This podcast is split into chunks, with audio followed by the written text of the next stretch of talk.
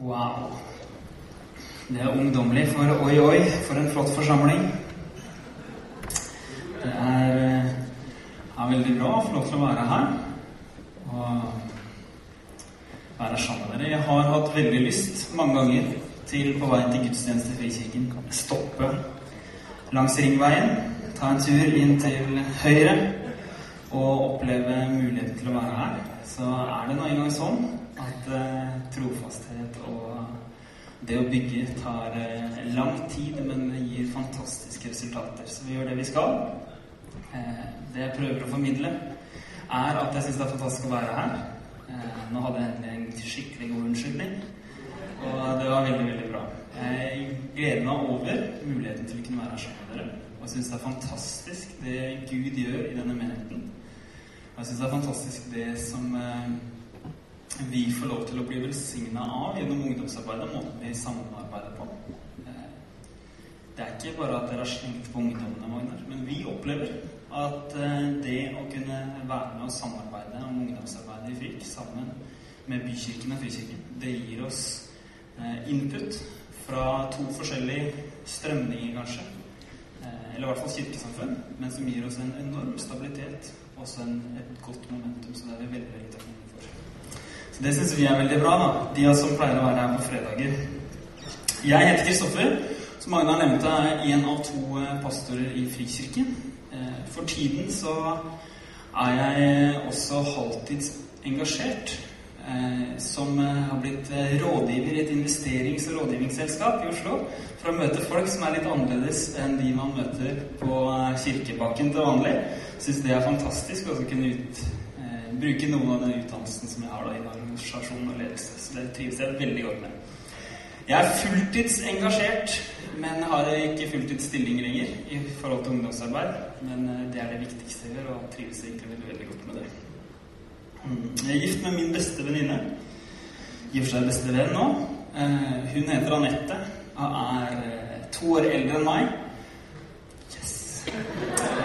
Det er et tegn på min fantastiske modenhet. Så det håper jeg dere liksom legger merke til og føler dere bærer av at jeg kommer her og skal dele litt av min visdom. Takk skal dere ha.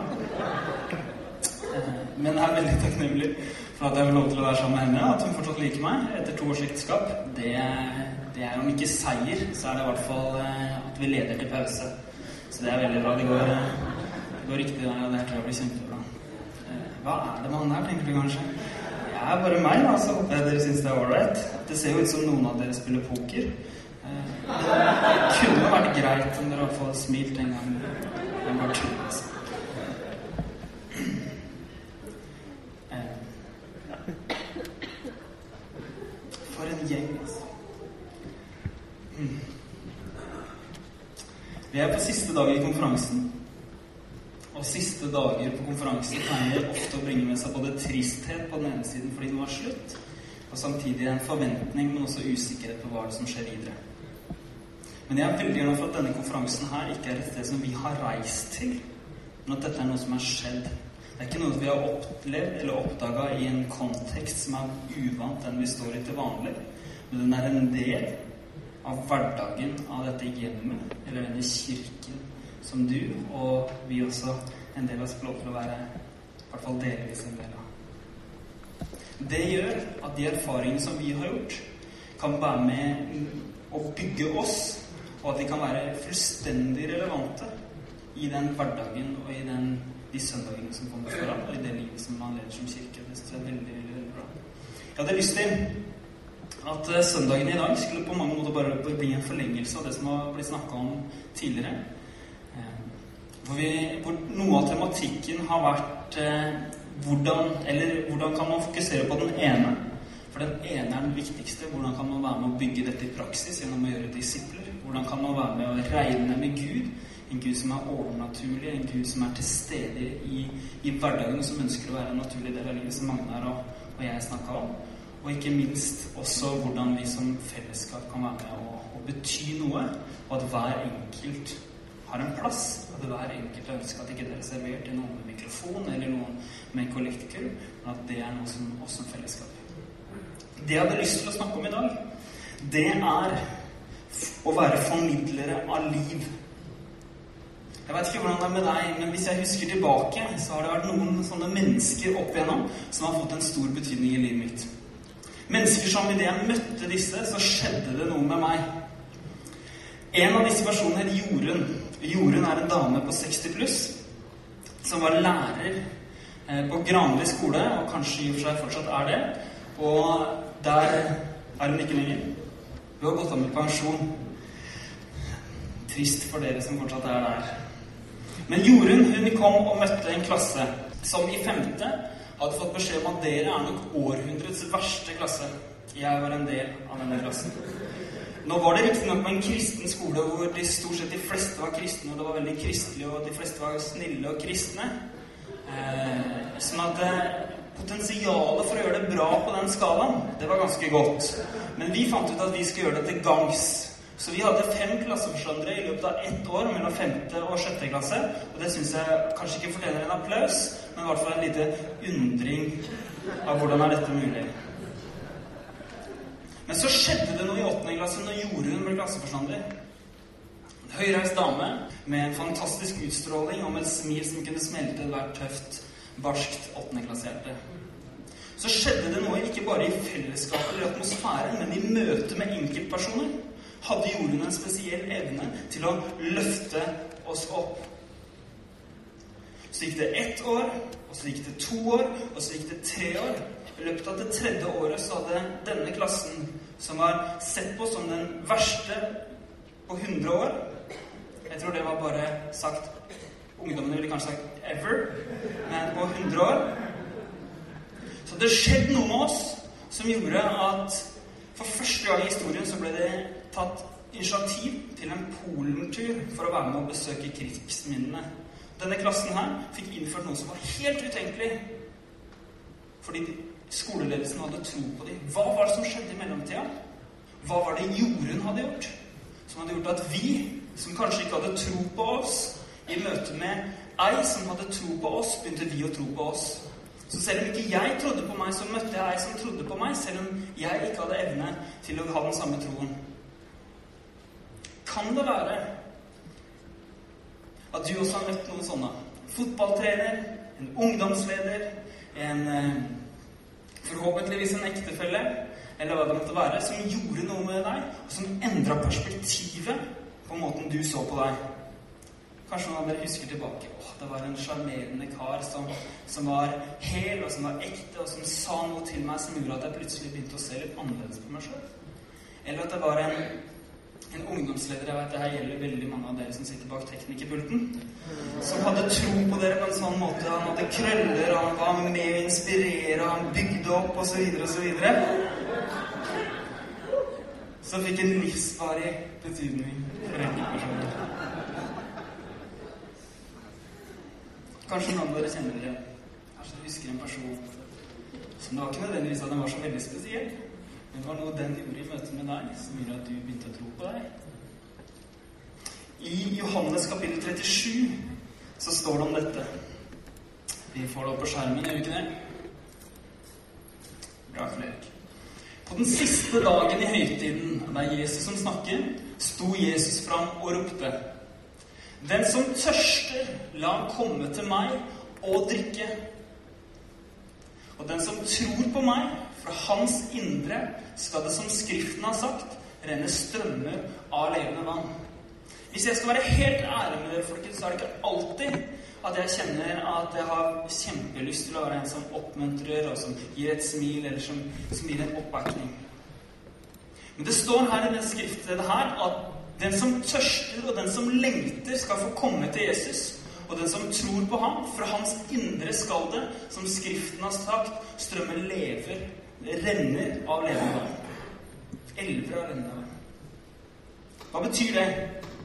Jo, det betyr at den som tror på Jesus, hensikten med det, er at man skal kunne kobles på en kilde omtrent som en brannhydrant, som idet man kobler på, så skal det strømme som en elv som renner av levende vann og av liv. Det er hensikten. Så er det vel kanskje noen av oss som kjenner at av og til så er det litt mer som en litt brukken hageslange enn som en brannhydrant som renner. Hvor oppmuntringer og hvor liv og ja, glede og fred som liksom skal strømme ut, er bytta ut med litt sånn litt kjip brekk på slangen idet unge Stokke prøver å fullføre vannkrigen med lillebror. Kanskje noen som kjenner seg igjen. Dette sa han om den ånd som de som trodde på ham, skulle få. Hva er denne kilden som vi skal få? I Jesaja kapittel 58 så står det om de som skal gjenreise byene. Og Det er et ord som har blitt gitt til mange forskjellige menigheter i Tønsberg by, så jeg tror det er relevant. Herren skal alltid lede deg og mette deg, mette din sjel, i det tørre landet. Han skal styrke kroppen din, så du blir som en vannrik hage, en kilde der vannet aldri svikter. En kilde der vannet aldri svikter. Jeg vet ikke med deg, men noen av oss er sånn um, Selv om jeg kanskje prøver å fremstå som veldig intellektuell, så er jeg egentlig sånn, jeg har litt sånn nerdete tendenser.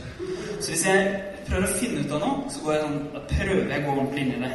Så jeg ble veldig fascinert av hva det kilde egentlig betyr. Og jeg vet det er sikkert mange av dere som også har brukt mange kvelder på å finne ut av det samme.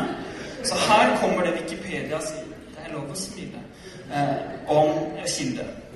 Kilde for vann er et utspring der grunnvannet kommer ut fra jorden og frem i dagen.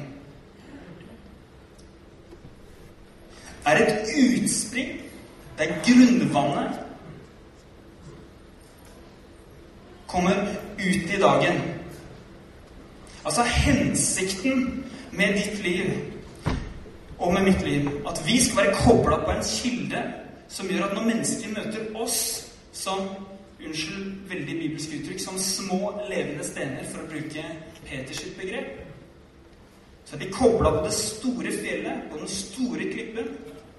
Men ut fra oss skal grunnvannet komme til syne. Det er hensikten. Det er meningen.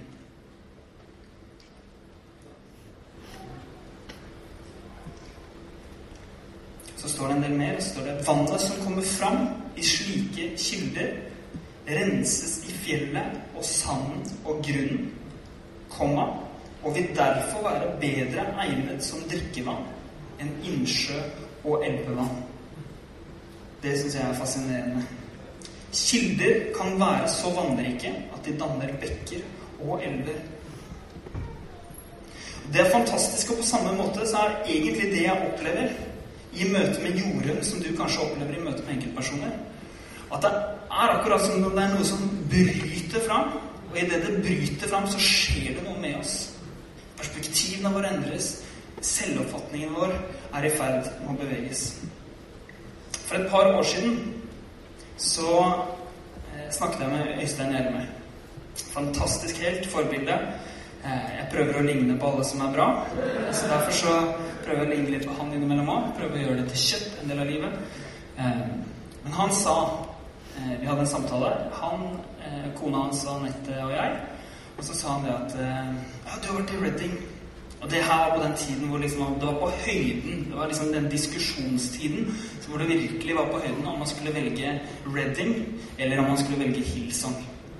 Det var liksom, det var det store samtaletemaet i liksom de litt sånn ja, trendy kristne settingene som vi alle er en del av. For å være ærlig. Og så sa Øystein noe som som, som jeg beit meg merke. At da jeg var ung, så var det populære stedet å dra, det var på Livets Ord. Da skulle alle på Livets Ord. Alle dro på Livets Ord. I hvert fall i visse deler av kirkelandskapet. Og så var plutselig ikke det så hot lenger. Så da var det noen som reiste på OKS. Og så, litt seinere enn det, så var det en del som reiste til Levende Ord. Men så var det mange som reiste på DTS. Så var DTS-er inne nå. Det var liksom det store. Hvis du ønsket å være radikal for Gud, så var det DTS. Det var litt dro. Og så gikk det noen år, og så begynte, så begynte Hillsong-miljøet virkelig å bli mer og mer fascinerende. Så det var mange, mange ungdommer som reiste dit. På en tid så, var, så mener jeg at Hillsong var en av de største bibelskolene i Norge. I Australia.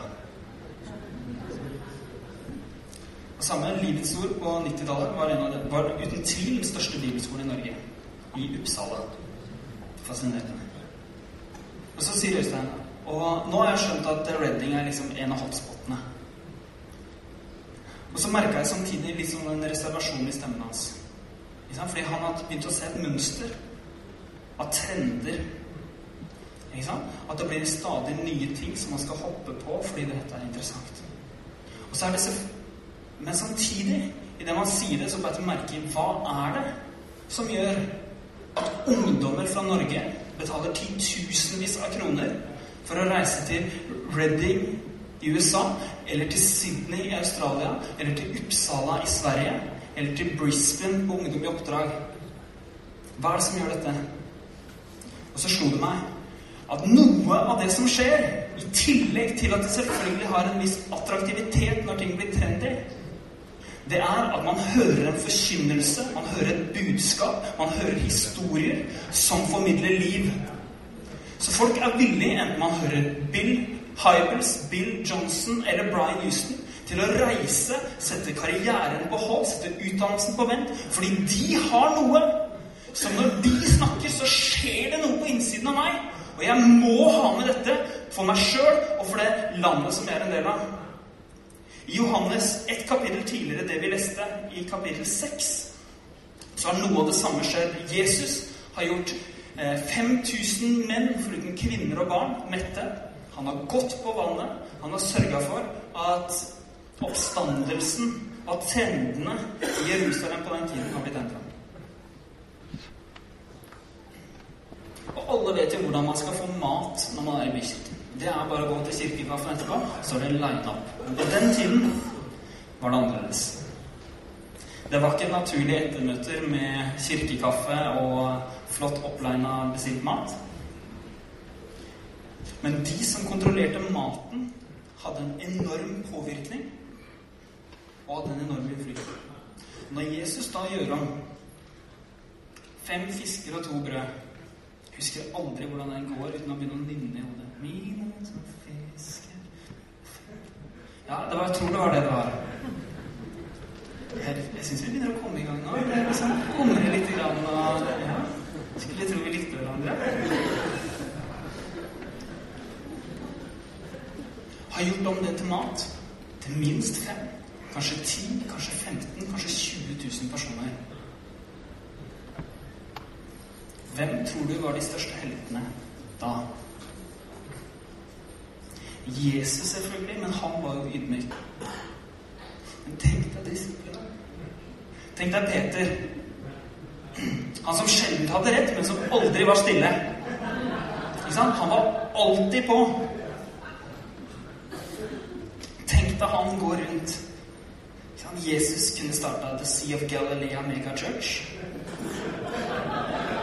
Peter var second in command. Han var it, han var sjef. Jeg var med han.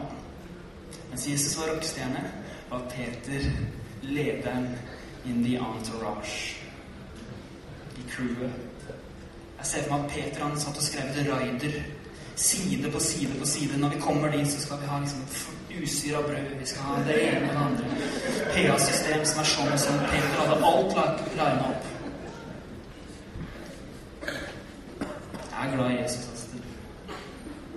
Skikkelig, skikkelig glad i Jesus. Men så skjedde det noe. Fordi Jesus begynte å snakke. Av og til er det veldig bra. Av og til er det veldig utfordrende når Jesus snakker. Så begynner han å si om noen av dere vil følge meg, så må han spise mitt kjøtt og drikke mitt blod. Og vi, da? Det er greit for oss å vite. Snakker om nattverden, selvfølgelig? Men tenk deg hvordan det var å høre det når du satt rundt Jesus og du ikke hadde fått forklaringa ennå. Det høres jo ut som om Jesus inviterer til noe helt annet enn nattverd. Du må spise mitt kjøtt, og du må drikke mitt blod. Så skal vi lese Johannes kapittel 6. En etter en sa det disiplene Nei, sa det folket har begynt å forsvinne, og dette er det som står. Etter dette trakk mange av disiplene seg unna og gikk ikke lenger omkring med ham. Da spurte Jesus de tolv, vil også dere gå bort? Tenk deg for Jesus. Han hadde investert kapittel 6, i hvert fall ett år av livet sitt. Han hadde ingen plan B. Det var kun disse her som, som skulle utføre det oppdraget som Jesus hadde kommet for, for å gjøre. Og spre det videre. Og så sier han vil også dere gå. Jesus visste at de måtte helt helt overgitt dersom de skulle kunne bygge videre på det han hadde å gi dem. Så sier han Herre, hvem skal vi gå til? Du har det evige livsord. Vi tror, og vi vet at du er Guds hellige. Med andre ord Når du snakker, så skjønner vi ikke hva det betyr. Vi skjønner ikke hva det sier. Men det skjer noe med meg når jeg er sammen med deg, som gjør at jeg begynner å krangle med de menneskene rundt meg, med disiplene som jeg er veldig glad i, om hvem av oss som er den største. Og jeg elsker å være sammen med mennesker som gir meg tro på meg. Mennesker som formidler liv. Du har evig livsord, og vi tror, og vi vet at du er Guds hellige. Vår selvoppfatning er ferskvare og formes i møte med andre mennesker. Min og din selvoppfatning er ferskvare og formes i møte med hvordan vi opplever at andre mennesker opplever oss. Forhold til Bykirken Jeg tror at det å være formidler av liv og det å skulle løfte opp en by, det er et felles ansvar. Men summen av resultatet, i hvilken grad man evner å gjøre det, handler om det personlige potensialet i hver enkelt må forløses. Og Hvis noen av dere var som meg, og noen av dere nikka litt, så opplever dere at det å være en formidler av liv, der er det potensialet de har til å kunne ta noen steg videre, hvis vi skal være ærlige. Det er en fordel. Så hva er det som forhindrer liv?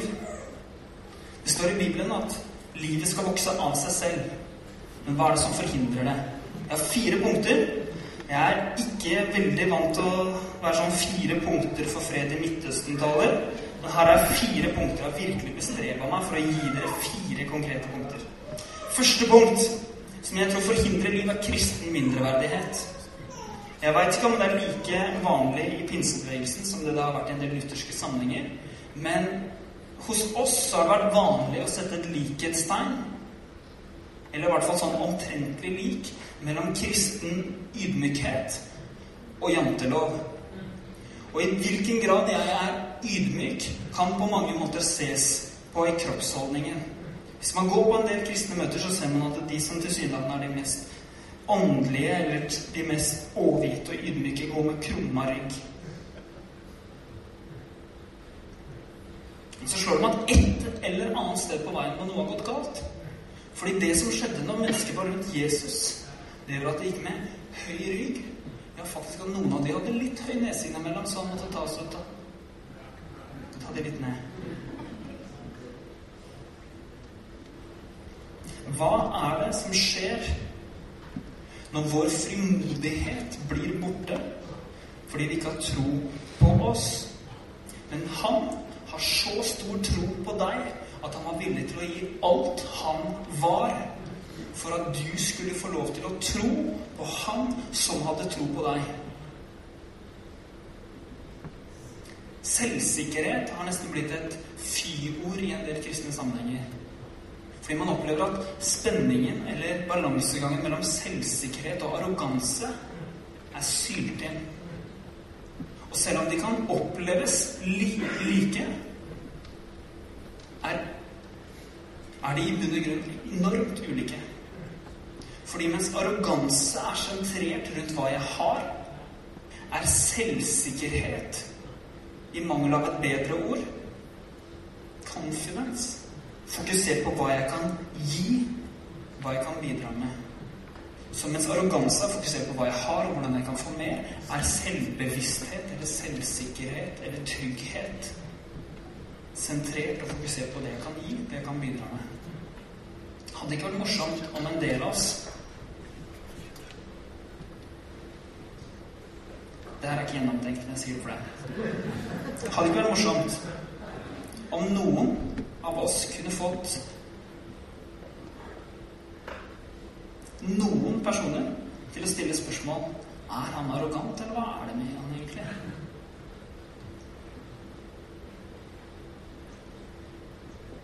Hadde det vært mer spennende å leve på den siden, med faren for og en visshet om at jeg må alltid huske på at Gud er Gud og jeg er støv,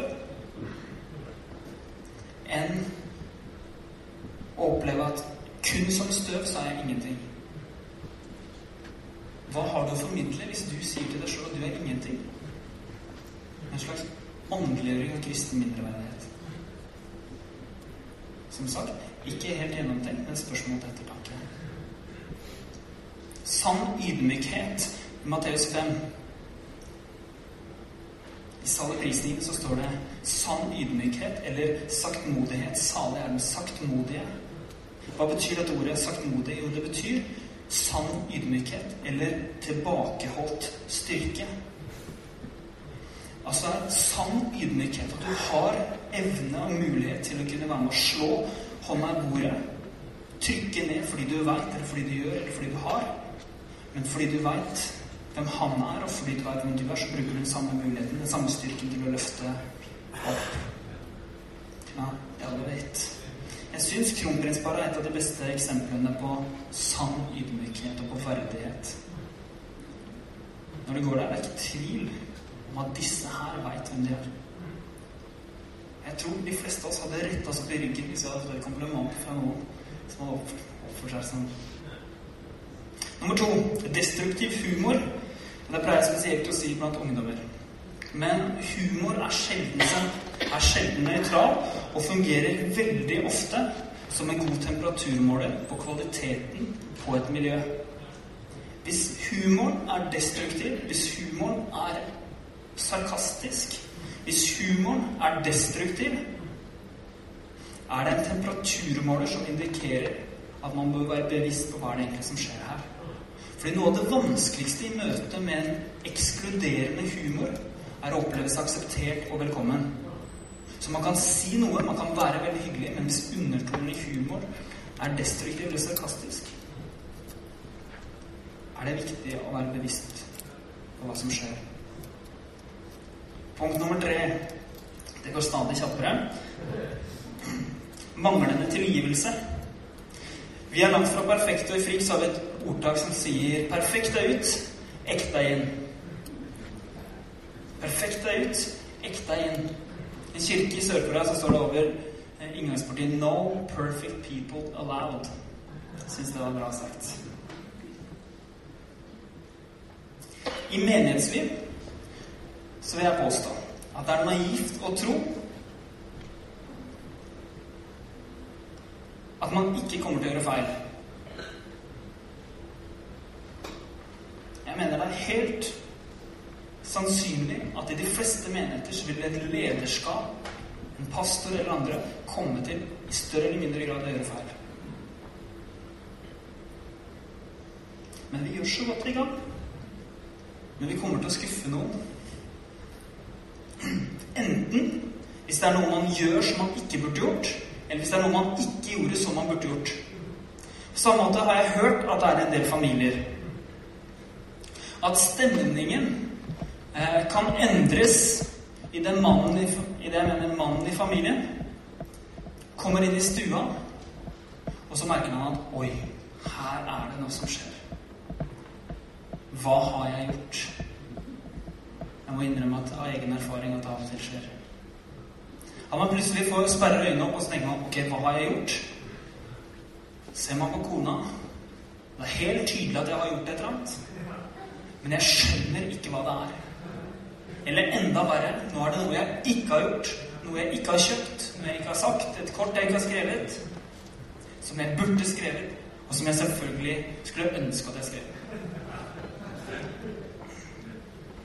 Men jeg har lyst til å si til dere kvinner, på vegne av oss menn som er her i dag, at vi skjønner ikke hva du mener, med mindre du sier det til oss. Vi har vært gift i to år. Ja, vi har vært gift i 15 år. Vi har vært gift i 25 år. Ja, det er veldig bra.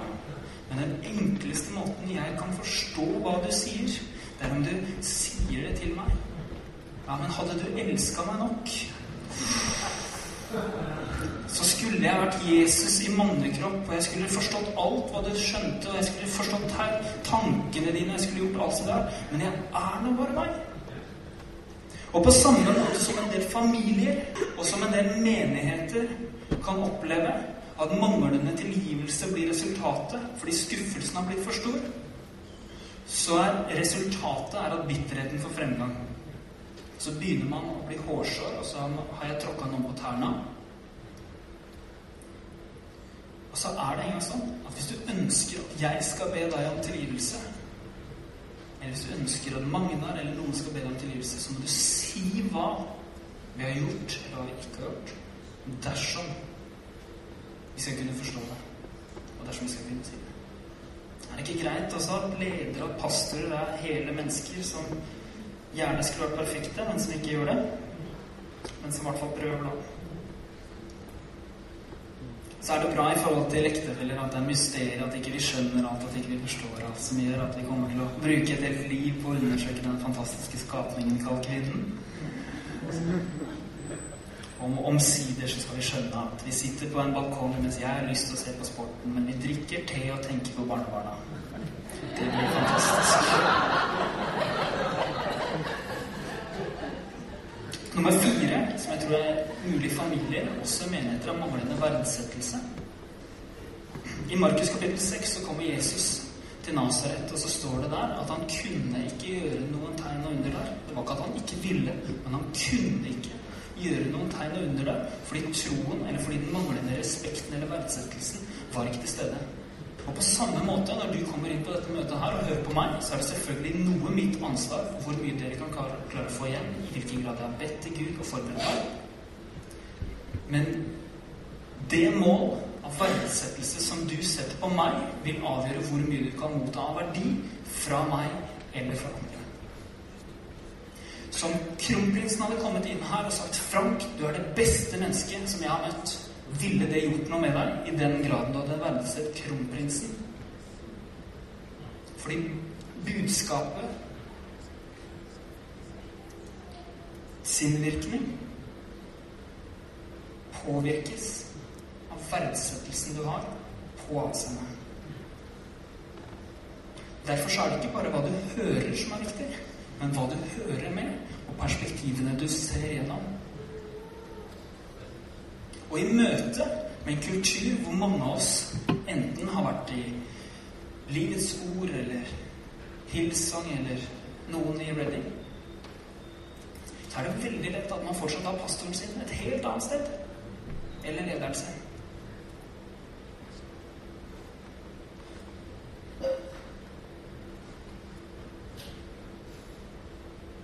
Men i hvilken grad du kan ta imot noe av meg eller andre handler om den grad av verdsettelse du setter på den som formidler. Derfor må du også sette høy respekt på deg selv. Hva er denne ånden som vi skal få oppsummert i 2. Timoteus? Bra. 1 kapittel 7. For Gud gav oss ikke en ånd som gjør motløs, men vi fikk ånden som gir kraft, kjærlighet og visdom. Men vi fikk ånd som gir kraft, kjærlighet og visdom. Altså, Gud ønsker å invitere hver enkelt av oss til å fjerne de tingene som holder oss tilbake, og som forhindrer liv, og koble oss på den kilden som er med å gi kraft, kjærlighet og visdom. I går så delte jeg et vitnesbyrd med dere, de av dere som var der, om at livet vokste fram om en ung relativt ung mann og relativt ung jente som eh, ble bedt for, og som fikk et barn ca. ni-ti måneder seinere. Det jeg glemte å fortelle, var at disse hadde prøvd å få barn i tre år, hvorav det siste året med prøverør. Altså er det ikke bare en fin talerhistorie, men disse har prøvd noe. Men de hadde behov for en berøring av den ånden som ikke gjør motløs, men som gir kraft. Og Hvis jeg skal være ærlig, hvis dere skal være ærlige, så vil det av og til være behov for en kraft i våre liv. Som Egil Svartdal sa, jeg etterlyser en kraftfull kristendom fordi det er kraftkrise i norske menigheter. Men er vi villige til å grave, er vi villige til å gå den, er vi villige til å betale den prisen som er nødvendig av overgivelse av bønn? For at Gud skal kunne komme og gjøre noe som bare Gud kan. Og vi kan gjøre alt det vi kan. Det er noe med at Gud ikke bare tiltrekkes av behov, men han ønsker en grad av overgivelse og desperasjon. Guds ild, sier de gamle, de lærde, de som kom før alle trendene. Om ikke før alle trendene, så i hvert fall før jeg ble født. Guds ild faller alltid på offer. I hvilken grad er vi villige til å si Gud, jeg ønsker å få betydning for menigheten min, jeg ønsker å få betydning for familien min, jeg ønsker å få betydning for byen som jeg er en del av. Så om du kan bruke meg, så vær så snill. Ser jeg er tilgjengelig, og jeg ønsker å bli brukt. Det er det levende offer. To små historier om unge mennesker som opplever at de har blitt kobla på noe. For eh, to og et halvt år siden så fikk jeg en telefon fra en jente som het Birgitte. Og Birgitte hun eh, kom fra en familie hvor moren hadde hatt kreft, og hvor eh, hun hadde blitt frisk, men hvor hun nå hadde fått beskjed Søndagskveld etter festivalen Litt folk var ferdig, så fikk hun beskjed om at ok, nå er det noe som Du må komme hjem. Og så fortalte far at han ønsket å skille seg fra mor. Så tenkte han hvem er det jeg skal ringe? Så hun hadde vært på Frik fire-fem ganger. Så hun tenkte jeg må ringe Kristoffer. Og jeg tenkte åh, hvis jeg kan få muligheten til å være den første noen ringer når de har fått en sånn beskjed, altså, wow, da Det gir livet mening. Så ringte de og så sa dette er det som har skjedd. Jeg lurer på om du har noen som du kan, kan ringe. Kona mi har opplevd en god del i livet og hennes familie, så vi kobla de sammen. Og Birgitte bestemte seg for å være trofast, være med på FRIK hver eneste fredag. Suge til seg alt hun hadde. Og så har det skjedd noe, da. Som et resultat av det i hennes familie. Så den siste tiden så har lillesøsteren begynt eh, å begynne å gå i kirken. Og så har moren, som tidligere kom fra en kristen bakgrunn, har begynt å, begynt å møte opp i kirken og er nå ansvarlig for noen av de voksne som er på kafeen på Frikk hver eneste fredag. Så tenker jeg Hva hadde skjedd hvis ikke jeg hadde tatt telefonen? Hva hadde skjedd hvis ikke vi bestemmer oss for å bruke de små anledningene når noen kommer i møte med deg, som blir livsviktige, som David snakka om, for å kunne involvere dem i et kristent fellesskap? En familie har blitt prega og blitt løfta opp som et resultat av noen små offer. Én ting er det jeg gjorde, men ikke minst det miljøet ønska å gjøre. Noen måneder før denne telefonen så var det en ung gutt som het Anders, som, som skulle være med ut. Og hadde, han var 13 år, hadde aldri bedt for noen før. Men han ønsket å være med og be for, for folk på gata. Jeg tenker, det er jo Jeg ser aldri at Jesus var på skattejakt i Bibelen. Eh, men jeg tenker hvis det er noen metoder som kan hjelpe oss for å komme oss ut av personlige behovet for å, å bli bekrefta, og til å ta noen sjanser til å gjennomføre en offer, så får det være greit. Så vi sendte noen av ungdommene våre ut da vi var på leir på Gulsrud leirsted, til Drammen by. Passe stor nok by til at ingen la merke til hvis vi gjorde noe galt. Det var liksom tanken. Og så gikk Anders sammen med en gjeng spurte Gud Gud, er det noe du har lyst til å si. Og det som er fantastisk vet du, med unge mennesker, de veit ikke at ikke Gud prater. De veit jo ikke hva Gud ikke skal si. Vi kan jo alt. Vi veit jo at det er ikke alltid han svarer, så nesten før vi skal be for noe, så har vi liksom klart at det er ikke sikkert at du blir helbreda. Det er ikke sikkert at det er ikke sikkert at det kommer til å skje. Og hvis det er, så kan vi bli med hjem til oss, og så skal vi drikke kaffe og te sammen. Det er nesten som vi er så redde for å ta en sjanse for vi har opplevd å bli skuffa. Jeg skjønner det, jeg ser det, men disse ungdommene har muligheten til å ikke gjøre de samme erfaringene. De har i hvert fall muligheten til å kunne prøve. Og når det ikke funker, eller hvis det ikke går, så skal vi jammen være med og drikke te masse relasjoner osv. osv. Så, så Anders opplevde at han fikk fargen rød og en, og en jakke. Så han gikk opp til en gjeng med muslimske damer. Jeg tenker, Hvis du først skal prøve, så bør du kanskje leite litt andre steder. Men han gikk nå opp da, midt i Drammen by. Så spurte han Hei. 13 år. Nå er han så høy. Da var han sånn. Jeg tror ikke jeg overdriver. Ikke sant? Så spurte han Hei. Jeg har fått fargen rød. Tror Gud minte på, på at det er noen av dere som har vondt i ryggen. Er det noen av dere som har, har det, og som har lyst til å bli bedt for? Og så var det en som hadde en rød jakke. Så hun sa ja, jeg har vondt i ryggen på klokken norsk. Han ba for det. Og så ble hun helbreda. Og så var det en til som sa jeg også har litt rødt på jakka mi. Og. Så bra. Ba for henne. Hun ble frisk. Så var det en til da hun begynte å dra Hvis du på innsida av lomma på jakka, så hadde hun litt rødt. Så lurte man om det var greit at hun ble bedt for også. Jeg tenkte wow. Hun ble bedt for. Hvorvidt jeg helbreda i dag, hvorvidt jeg har møtt Gud, hvorvidt jeg er med i en kristens forsamling, det vet jeg ikke. Men Anders skjedde det noe med. For han fikk se at Gud var virkekraftig. Og jeg tror at kan det ha skjedd noe med de som kan ha kobla de fått et spørsmål om Gud? Du som er kraftens Gud, du som er kjærlighetens Gud, du som er visdommens Gud. Jeg trenger å kjenne deg. La oss be. God himmelske Far, du du er en fantastisk Gud, vi ønsker mer av deg.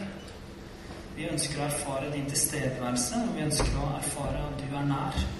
Vi ønsker å erfare at du er god, og vi ønsker å erfare at du er kraftfull. Og far, du veit at omstendighetene våre har, har lært oss